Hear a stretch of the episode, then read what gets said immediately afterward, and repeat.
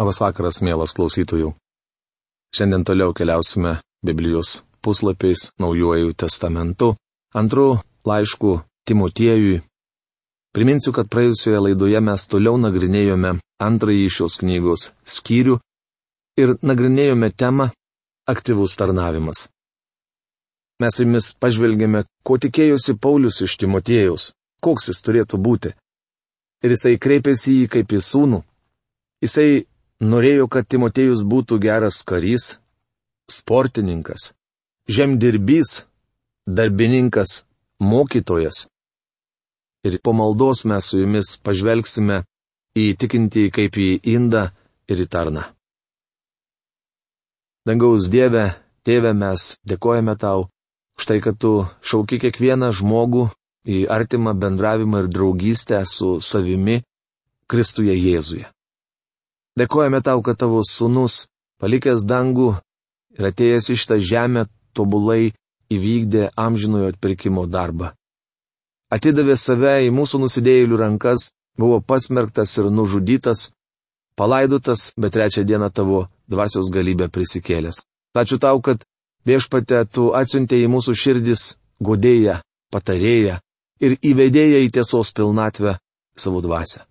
Meldžiame, kad šiandien Ta dvasia pripildytum kiekvieną tikintį, padėdamas jam aiškiau suprasti tavo jam numatytą gyvenimo kelią ir paliestum savo dvasia kiekvieną žmogų, kuris dar nežino apie tai, kur jisai praleis amžinybę.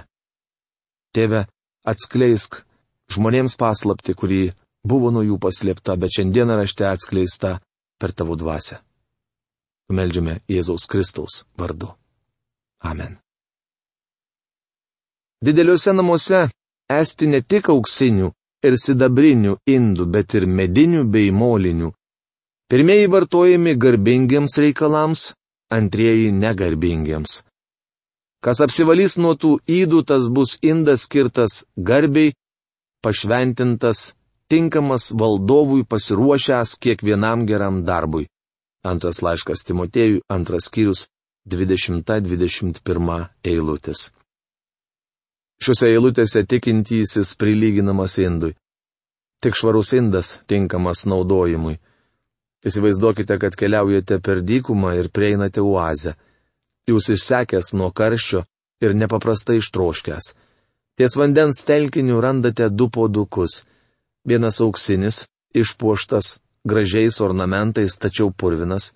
Kitas senas ir suskilęs, vos laikantis vandenį, bet švarus kurį pasirinktumėte? Ar manote, kad Dievas turi mažiau nuovokos negu jūs? Jis taip pat naudoja švarius indus ir nenaudoja purvinų. Prisimenate, jog antrame Evangelijos pagal Joną skyriuje pasakojama, kaip viešpats Jėzus per vestuves Galilėjos kanoje vandenį pavertė vynu. Jis liepė tarnams atritinti senus, apdaužytus akmeninius indus, kuriuos žydai naudodavo apsiplovimams ir pripildyti juos vandens. Tuos senus, nepatrauklius indus jis panaudojo savo šloviai. Šiandien Dievas taip pat ieško švarių indų, kuriuos galėtų naudoti. Mielas bičiuli, dar kartą kartoju, kad jis ieško negražių, bet švarių indų. Saugokis jaunatvės aistrų. Ieškok teisumo, tikėjimo, meilės ir ramybės su tais, kurie iš grinos širdies šaukėsi viešpaties. Antras laiškas Timotiejui, antras skyrius, 22 eilutė. Kaip matome, apaštalas dažnai mini kertinius krikščioniško gyvenimo dalykus - tikėjimą, meilę ir ramybę. Tikėjimas, meilė ir ramybė nėra vien skambų žodžiai. Šie trys dalykai turi tarpti kiekvieno tikinčiojo gyvenime. Ne tik pamokslininkų, bet ir tų, kurie sėdi bažnyčios suole o kvailų ir nemokšiškų ginčių venk, žinodamas, kad jie veda į barnius. Antras laiškas Timotiejui, antras skyrius 23 eilutė. Kai kurie žmonės su manimi nuolat nori pasiginčyti dėl nesminių dalykų. Deja, aš neturiu tam laiko. Mes gyvename liepsnojančiame pasaulyje. Mielas bičiuli, kol nevėlu, skelbkime jam Dievo žodį. Tarnas. Viešpaties tarnui nedėra kivirčytis, bet reikia su visais elgtis maloniai. stengtis pamokyti, būti kantriam, švelniai aiškinti prieštaraujantiems. Rasi Dievas duos jiems atsiversti, pažinti tiesą. Antras laiškas Timotiejui, antras skyrius 24-25 eilutės. Dabar tikintysis yra vadinamas tarnu ir apaštalos rašo, kad jis privalo su visais elgtis maloniai. Kai kam gali pasirodyti, kad čia esama prieštaravimo. Kariui buvo sakyta kovoti, o tarnas raginamas nekovoti. Ar tai prieštaravimas? Ne. Greičiau tai paradoksas. Jei ginate tiesą, turite aiškiai duoti žmonėms suprasti, kokią poziciją užimate. Nebūkite bailys. Kažkas yra pasakęs, liūdna, kad tyla dažnai praranda aukso vertę ir tampa bevertį. Bičiuli, ginkite tiesą, tačiau švelniai aiškinkite prieštaraujantiems. Stengdamiesi laimėti žmogų Kristui, nesiginčykite su juo. Jei jis su jumis nesutinka, nesišiauškite, tik skelbkite jam Dievo žodį. Ir jie prablaivės nuo velnio žabangų, kuriuose vergavo jo valiai. Antras laiškas Timotėjui, antras skyrius, 26 eilutė. Antras laiškas Timotėjui, trečias skyrius. Tema - Būsimasis atsimetimas nuo tikėjimo ir šventojo rašto autoritetas. Šiame skyriuje Paulius įspėja mus, kad paskutinėmis dienomis daugelis išsižadės tikėjimo. Apaštalas nurodo ir apostazės prieš nuodytai Dievo žodis. Dėl šių priežasčių šis skyrius šiandien mums yra labai svarbus ir reikšmingas. Paskutinių dienų atsimetimas nuo tikėjimo. Žinau, kad paskutinėmis dienomis užėjai sunkūs laikai. Antras laiškas Timotėjų trečias skyrius pirmą eilutę. Žodis žinok rodo, kad Paulius perduoda Timotėjui svarbę žinę. Jis jaunajam pamokslininkui kalba apie bažnyčios ateitį. Akivaizdu, kad bažnyčios, turinčios gerai organizuotą struktūrą ateitis, nėra šviesi ir graži. Jau minėjau, kad frazė paskutinėmis dienomis yra specifinis terminas, vartojamas keliose Naujojo testamento vietose. Šis terminas apibūdina paskutinės bažnyčios dienas, kitaip tariant, bažnyčios paėmimo iš pasaulio išvakarės. Reikia pasakyti, kad paskutinės bažnyčios dienos skiriasi nuo paskutinių Izraelio tautos dienų, apie kurias daug kartų kalbama Senajame testamente. Kaip žinote, Senajame testamente paskutinės dienos vadinamos amžiaus pabaiga arba paskučiausiais laikais. Akivaizdu, kad taip apibūdinamas didžiojo suspaudimo laikotarpis. Tuo tarpu paskutinės bažnyčiaus dienos yra bažnyčios paėmimo iš pasaulio išvakarės. Brangus bičiuliai, noriu jūs įspėti, kad bažnyčios narių atsimetimas nuo tikėjimo, prasidėjęs Pauliaus dienomis įgaus vis didesnį pagreitį. Apaštalas Paulius įspėjo Efezų tikinčiuosius, kad po jo mirties jų gretose atsiras netikrų mokytojų. Apaštalų darbų knygos 20 skyriaus 29-30 eilutėse skaitome. Žinau, kad man pasitraukus įsibraus pas jūs žiaurių vilkų, kurie nepagailės kaiminės. Net iš jūsų atsiras tokių, kurie klastingomis kalbomis tenksis patraukti paskui save mokinius. Tai reiškia, kad netikri mokytojai nemaitins avių Dievo žodžiu, tik dirs joms kailį. Patikėkite melos kleidėjai, moka tai daryti. Toliau Paulius rašo, kad užėjai sunkus laikai. Pasaulis apie tai nekalba, ar ne? Netrodo, kad bažnyčia priartins tūkstantmetę karalystę ar atvers pasauliečius įtikėjimą. Biblijoje nemokoma, kad taip atsitiks. Tai tik svajonė. Šios nuostatos laikosi tik idealistai bei tie, kurie gyvena įkišę galvą į smėlį kaip stručiai ir nenori matyti tikrovės. Tuomet kyla klausimas, apie kokią ateitį kalbama Biblijoje. Keliuose tolimesnėse eilutėse pateikiama 19 skirtingų jos, tai yra ateities apibūdinimų. Tenka pripažinti, kad šie apibūdinimai bjaurūs, tačiau juos apžvelgti verta, nes jie geriausiai atskleidžia mūsų laikų situaciją. Manau, kad ne už kalnų paskutinės bažnyčiaus dienos. Sakau taip dėl to, kad visa, kas paminėta tolimesnėse eilutėse, būdinga mūsų laikams. Peržvelgę bažnyčios istoriją, Be abejonių pastebėtumėte kai kurių čia minimų blogybių apraiškų, tačiau nemanau, kad anksčiau jos buvo taip ryškiai matomos kaip šiandien. Manau, kad jau prasidėjo sunkus laikai, apie kuriuos rašoma šioje pastraipoje.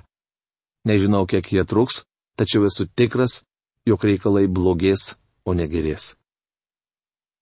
Nes žmonės bus savimylos, godus pinigų, pasipūtę, išdidus, pikžodžiautojai, neklusnus gimdytojams, nedėkingi, nedoriliai, nemeilūs, nesutaikomi, šmeižikai, nesusivaldantis, šiurkštus, turžieviai, nekenčiantis to, kas gera, išdavikai, pramužgalviai, pasipūtėliai, labiau linkę į malonumus negu į Dievą. Antras laiškas Timotėjui, trečias skyrius, antra ketvirta eilutės. Apibūdindamas paskutinės dienas apaštalas Paulius pavartojo 19 žodžių ar frazių. Dabar kiekvieną aptarsiu išsameu. Pirmoji - savimylos. Šio laikinėje kultūroje ši savybė labai akivaizdi. Laikraščio korespondentas daugelį metų rašęs apie įvykius Vašingtono mieste pastebėjo, kad pastaruosius 20 metų valdžios atstovai tik ir trokšta, kad žurnalistai juos liaupsintų. Iš tikrųjų, jie net reikalauja to. Tačiau šis bruožas būdingas ne vien valdžios atstovams. Holivudo žvaigždės nuolat tapšnoja viena kitai per petį. Jei vienas aktorius viešai pagiria kitą, antrasis turi jam atsilyginti tuo pačiu. Šis principas galioja visur, net mokymo įstaigose.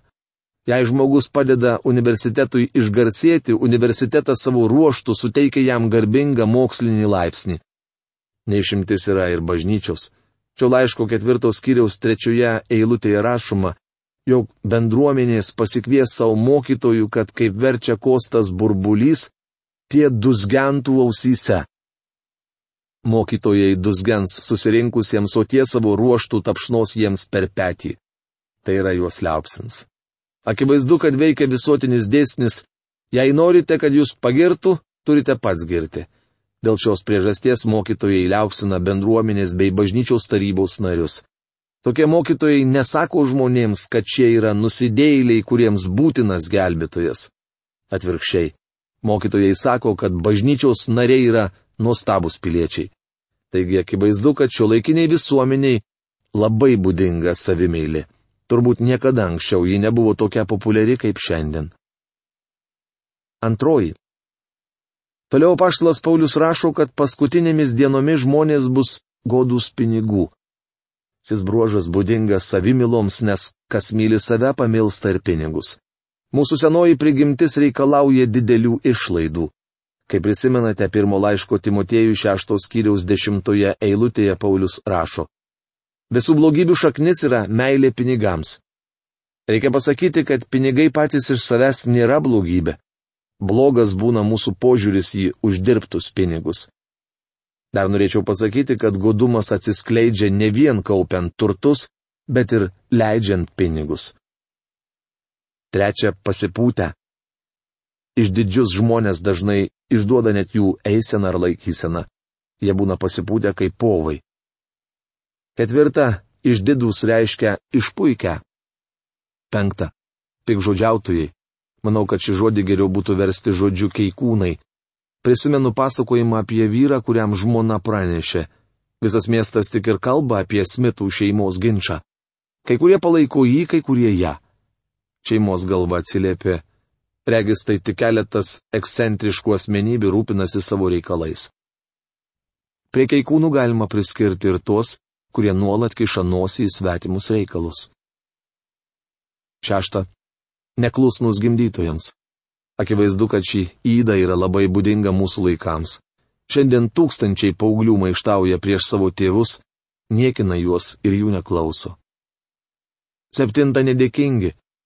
Daugelis žmonių kitų pagalbą priima neparodydami jokio dėkingumo. Jie viską priima kaip iš Dievo, tačiau jiems net nekyla mintis jam padėkoti. Aštunta nedoriliai. Kostas burbulyšį žodį verčia žodžiu nešventi. Tokie žmonės ir žodžiais ir gyvensina priešinasi Dievui. Devinta nemeilus. Reiškia praktikuojantis nenormalius santykius. Šiandien homoseksualizmas yra tapęs elgesio norma. Tačiau laiško romiečiams pirmos kiriaus 24 eilutėje paštalas Paulius aiškiai sako, todėl Dievas per jų širdžių geismus atidavė juos tokiam netirumui, kad jie patys teršė savo kūnus. Akivaizdu, kad toleruodama homoseksualizmą žmonija klimsta į nedorybės liūną. Dešimta nesutaikomi yra žmonės, su kuriais neįmanoma sutarti. Jie nesutaikomi, kitaip tariant, tiesiog nenori gyventi taikoje su jumis. Prisimenu, viename vakarų Teksaso restorane mačiau užrašą. Mes negalime įtikti kiekvienam, tačiau stengiamės. Na, savaime suprantama, kad kiekvienam įtikti neįmanoma. Vienuolikta šmeižikai. Kiekvienam akivaizdu, kad šiandien jų apstu. Dvylikta nesusivaldantys. Ši įda taip pat būdinga didžiai šio laikinės visuomenės daliai. 13. Šiurkštus. Profesorius Algirdas Jurienas šį žodį verčia žodžiu žiaurūs. Nūdien miesto gatvės yra virtusios asfaltų ir betono džiunglėmis. Daugelį rajonų nesaugu vaikščioti net dieną. 14. Storžieviai, nekenčiantys to, kas gera. Ši įda taip pat būdinga daugeliui. 15. Išdavikai kai kuriais žmonėmis paprasčiausiai negalima pasitikėti. 16. Pramužgalviai. Profesorius Algirdas Jurienas šį žodį verčia žodžiu karštagalviai, o kostas burbulys užsispyrę. 17. Pasipūtėliai reiškia apakinti didybės. 18. Labiau linkę į malonumus negu į Dievą. Profesorius Algirdas Jurienas šį posakį verčia taip - labiau mylintys malonumus negu Dievą. Ši frazė puikiai charakterizuoja šio laikinę žmoniją. Niekada malonumams nebuvo išleidžiama tiek pinigų, kiek išleidžiama mūsų laikais. Sporto varžybos ir pramoginiai renginiai pritraukė milijonų žmonių. Būtent tai atvedė Romą į aklavietę. Minė mėgavosi duona ir žaidimais ir tai sužlugdė Romos imperiją. Akivaizdu, kad tas pats vyksta ir šiandien. Man visuomet patiko sportuoti. Tačiau aš nesuprantu tokios sporto šakos, kur reikia sėdėti ir žiūrėti. Niekada netroškau nuvykti į kokią nors sporto areną ir kartu su 85 tūkstančiai žiūrovų stebėti, kaip keletas sportininkų varžosi dėl didelio piniginio prizo. Žinoma, norėčiau pats būti jų vietoje, tačiau man būtų kur kas įdomiau stebėti ne juos, o griovę kasį, nes jis netoks godus pinigų.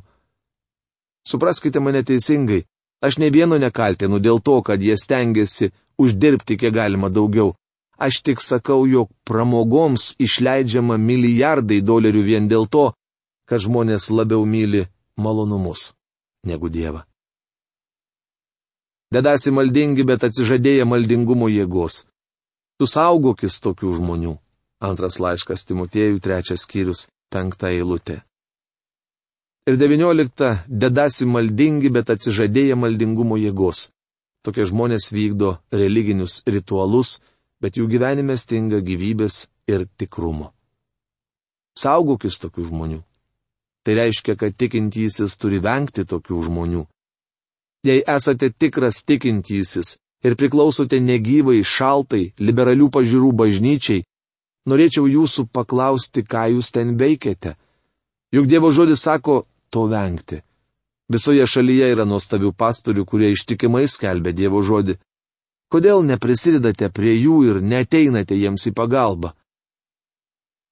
Iš jų yra tie, kurie įsiskverbia į namus ir prisivilioja moterėlės, pilnas nuodėmių ir blaškomas visokių įgeidžių, nuolat besimokančias ir vis nesugebančias pažinti tiesos. Antras laiškas Timotėjų trečias skyrius šešta septinta eilutės.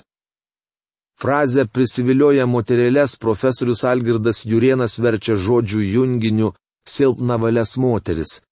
Šis apibūdinimas taikomas ne vien moterims, bet ir vyrams. Kai kurie žmonės daug metų lanko Biblijos konferencijas, tačiau, kaip rodo nesikeičiantys jų gyvenimai, Dievo žodžio giliau taip ir neįsisavina.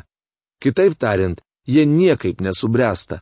Bičiuli, Jei jūs vienas iš tokių žmonių pulkite ant kelių ir prašykite Dievo atleidimo. Kaip Janas ir Jambras priešinosi Mozijai, taip ir jie prieštarauja tiesai. Tai žmonės sugedusio proto netvaraus tikėjimo. Antras laiškas Timotėjui, trečias skyrius, aštunta eilutė. Janas ir Jambras tikriausiai buvo faraono žiniai, kuriuos jis pasikvietė tuo met, kai Mozė padarė pirmuosius stebuklus ir Egipto kraštą užklupo bausmės. Jei Paulius nebūtų mums užrašęs šių žinių vardų, mes taip ir nebūtume jų sužinoję. Žinoma, galima tik spėlioti, iš kur Paulius žinojo šių žinių vardus. Manau, juos apaštalui apreiškė Dievo dvasia. Tai paprasčiausias paaiškinimas. Negalvoju, kad šie vardai labai papildytų pasakojimą apie Izraelio išlaisvinimą iš Egipto vergovės, tačiau tai rodo, kad Paulius žinojo žinių vardus, kurie priešinosi Mozei. Daugiau apie juos galite paskaityti septintame išeimo knygos skyriuje. Perskaitę septintą išeimo knygos skyrių matome, jog šietonas turi didelę antgamtinę galę ir puikiai moka pamėgdžioti Dievą.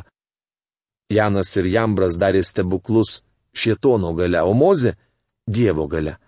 Manau, kad dėl šios priežasties Paulius ir paminėjo šios du vyrus.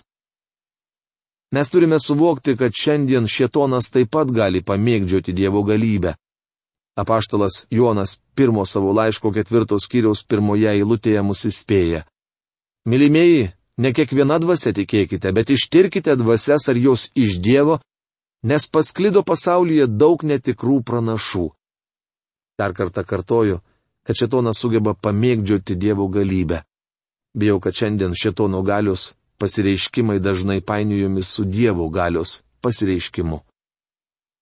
Žmonės sugedusio proto netvaraus tikėjimo. Paulius sako, kad daugelis šio laikinių žmonių yra sugedusio proto, kokie buvo Janas ir Jambras. Netvaraus tikėjimo reiškia, kad jie išsižadėjo tikėjimo, kitaip tariant, visiškai jį atmetė. Pateiksiu Jums pavyzdį. Vienas episkopalinės bažnyčios vyskupas iš Kalifornijos, labai talentingas žmogus kartu su savo šeima pasinėrė į spiritizmą, kitaip sakant, labai susidomėjo ant gamtinių pasaulių. Netrukus jis atmetė didžiasias šventojo rašto tiesas ir net nuvyko į Palestiną, ketindamas kai kurias iš jų paneigti. Reikia pasakyti, kad užuot paneigęs, jis tik patvirtino jas. To vyro mirtis dykumoje buvo labai keista ir sunkiai paaiškinama. Neseimu nieko įrodinėti, tik sakau, kad tai geras pavyzdys žmogaus, kuris kitados teigė tikys Dievo žodžiu, bet išsižadėjo tikėjimu arba, kaip sakoma šventajame rašte, tapo paleistuviu, dvasinė prasme. Bet jie toli neužengs, nes jų paikumas, kaip ir anų, bus visiems regimas. Antras laiškas Timotėjui, trečias skyrius devinta eilutė. Episkopalinės bažnyčios vyskupo, kurį minėjau, baigtis krikščionims turėtų būti rimtas įspėjimas. Jei norite, galite užsiminėti spiritizmu, tačiau įspėju, kad tai žaidimas ugnimi.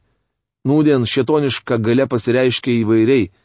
Keista, kad šiame materializmo amžiuje visuomenė nepripažįstanti jokio antgamtiškumo patiria antgamtinę galę.